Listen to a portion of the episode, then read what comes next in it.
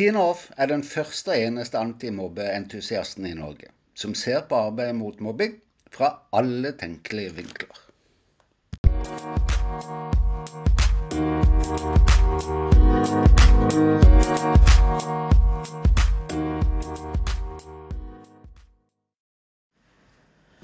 En typisk forsvarsstrategi fra skolen er uttalelsen om bare elevene sier ifra, så Som om alt da vil løse seg. Men oppåt halvparten av elevene som sier ifra til voksne, opplever seg avfeid. Og når de voksne vet, sier barna at sitat, de gjør ingenting likevel. Hvordan kan vi møte elevene på måter som tar disse opplevelsene på alvor? Lett! Klart vi kan snakke om det. Velkommen til ukens episode. For noen år tilbake så skrev jeg et avisinnlegg som tar utgangspunkt i akkurat det motsatte av det vi sier til oss sjøl at mangler. Elevundersøkelsen.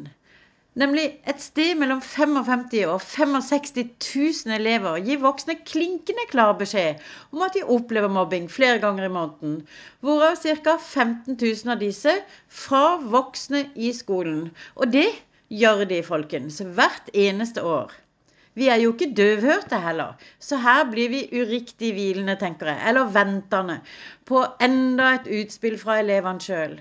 Skal de måtte det? Vel, de gjør det i hvert fall. Slik vi kjenner elever, så kommer de gjerne både én og to ganger når de først har en beskjed eller noe viktig på hjertet. Og ikke bare til én voksen, men flere. Ligger noe av utfordringene i at vi ikke fanger opp hva elevene faktisk forteller oss, eller hva? Hvis svaret på spørsmålet er ja, er det jo veldig positivt, for det kan vi jo gjøre noe med. Her handler det kanskje ikke mer om å stoppe opp akkurat nok til at de fanger dine øyne og starter samtalen. Selv om vi er opptatt, er akkurat de øyeblikkene så viktige. Det kan ta sekunder. Må vi fly av gårde, vi er opptatt, det er helt insane, kan vi jo alltids avtale å prate med de seinere, ikke sant? Og det leder meg til den neste elevuttalelsen jeg har lyst til å dele med deg i dag. For hva skjer når mobbing avdekkes? Ikke det tekniske, jeg tenker ikke på det, men for eleven. Altså helt bokstavelig for eleven. La oss si da, unnskyld, at du er den utvalgte som eleven velger å fortelle om mobbinga til. Hvor mange flere ganger tror du eleven må, eller er forventa, å fortelle om sine opplevelser med mobbing i skolen? Én gang? To til tre ganger. Vel, gang det i hvert fall med ti, om saken trekker ut i tid. Ja, for det starter med rektor og kontaktlærer, for før øvrige lærere. Så avdelingsleder, kanskje sosiallærer, en assistent, spesialpedagog, så helsesøster, kanskje PPT, før fastlege, BUP, HABU i forbindelse med tester, skolesjefen, noen kommuneansatte til barnesamtale, så statsforvalter. Og blir familien meldt til barnevernet, kommer også saksbehandler, veileder eller observatør med en forventning om å bli fortalt. Sakkyndige forventer helt klart eh, fortellingen om barnevernet velger å kjøre tvungen omsorgsovertakelsessak. Og så dommerne. Og om foreldrene prøver saken for domstolen, er det kanskje advokaten, og så nye dommere, og kanskje nye sakkyndige. Og så kan vi starte på nytt, for innen dette har saksbehandlere, lærere osv. blitt byttet ut flere ganger. Enig i at det er mange voksne? Mange voksne å måtte brette ut det trolig verste de har opplevd så langt i sitt liv. Og så vite at alle disse voksne vet som igjen kan fortelle det til flere voksne. Og så merke at de voksnes blikk endres overfor dem, men situasjonen i seg sjøl med medelever fortsatt er den samme. Er ikke det nesten verre for dem? Har vi ikke bare lagt til en tilleggsbelastning, da? Og så over til det en ung mann uttrykte så godt her forleden. Jeg vil ikke at alle skal vite hva som skjedde. Må hele verden vite alt? To ting her. Endringene eleven møter i oss voksne, gjør det aktuelt å reflektere over om alle faktisk trenger å vite, og ikke minst om de trenger å vite alt. Traumepsykiatere peker på både selvfordømmelse, skammen, at det rokker ved identiteten deres, og om, står, altså om eleven da står for utøvelsen at de ikke opplever seg verdige venner. Det å ha venner. Det å ha en skoleplass. at de trenger hjelp til å få mer nyanser, forstå seg sjøl uten å stemple seg sjøl som en forbryter eller ond. Elevene har en jobb å gjøre på begge sider, altså om de er utøvere eller om de blir utsatt for mobbing. En jobb de trenger hjelp til av helt andre enn oss i skolen. Vi trenger jo bare vite at jobben vil ta tid. Basert på det jeg har sagt til nå, tenker du fortsatt at dette laget rundt eleven, som alle roper så høyt etter, er det det elevene trenger mest av i denne situasjonen? Eller går det an å tenke seg til at vi kanskje ikke helt vet hvilke små justeringer vi sjøl kan gjøre, og dermed så skyver vi det vekk, og hadde vært kjekt at noen andre bare tok det. Husk, den som må gjøre gjenopprettingsjobben, er læreren. Det kan være det, men det kan også være en lærer som kommer seinere da, hvis du ikke makter å ta det.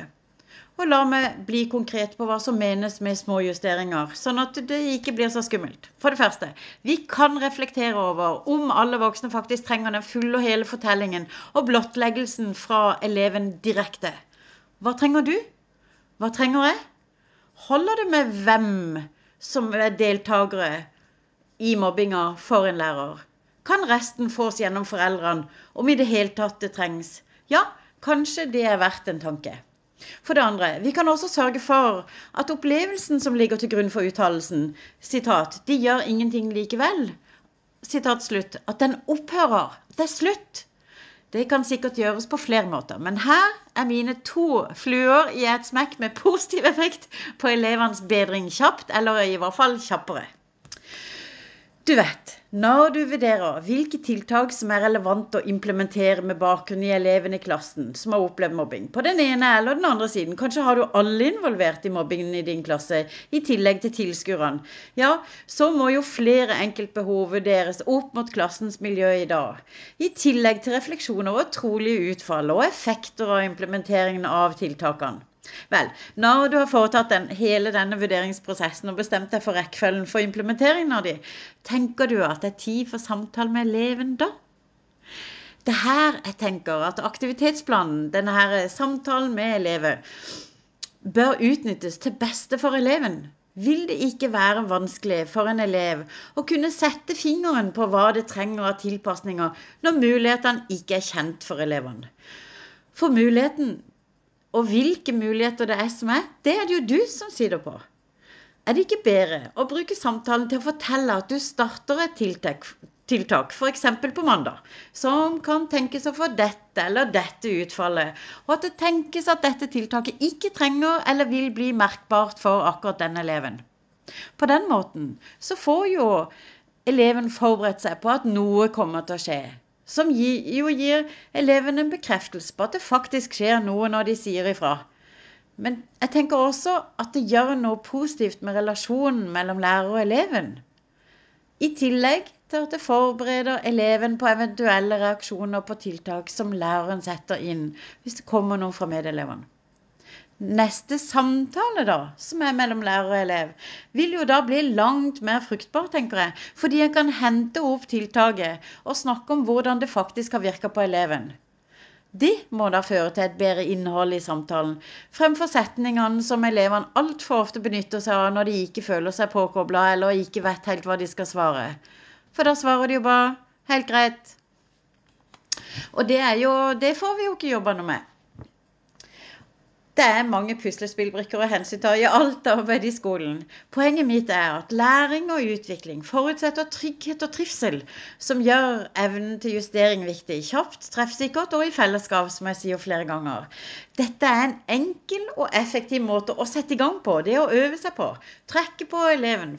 Se om man kan klare å få til et samarbeid der, sånn at eleven føler at det faktisk skjer noe.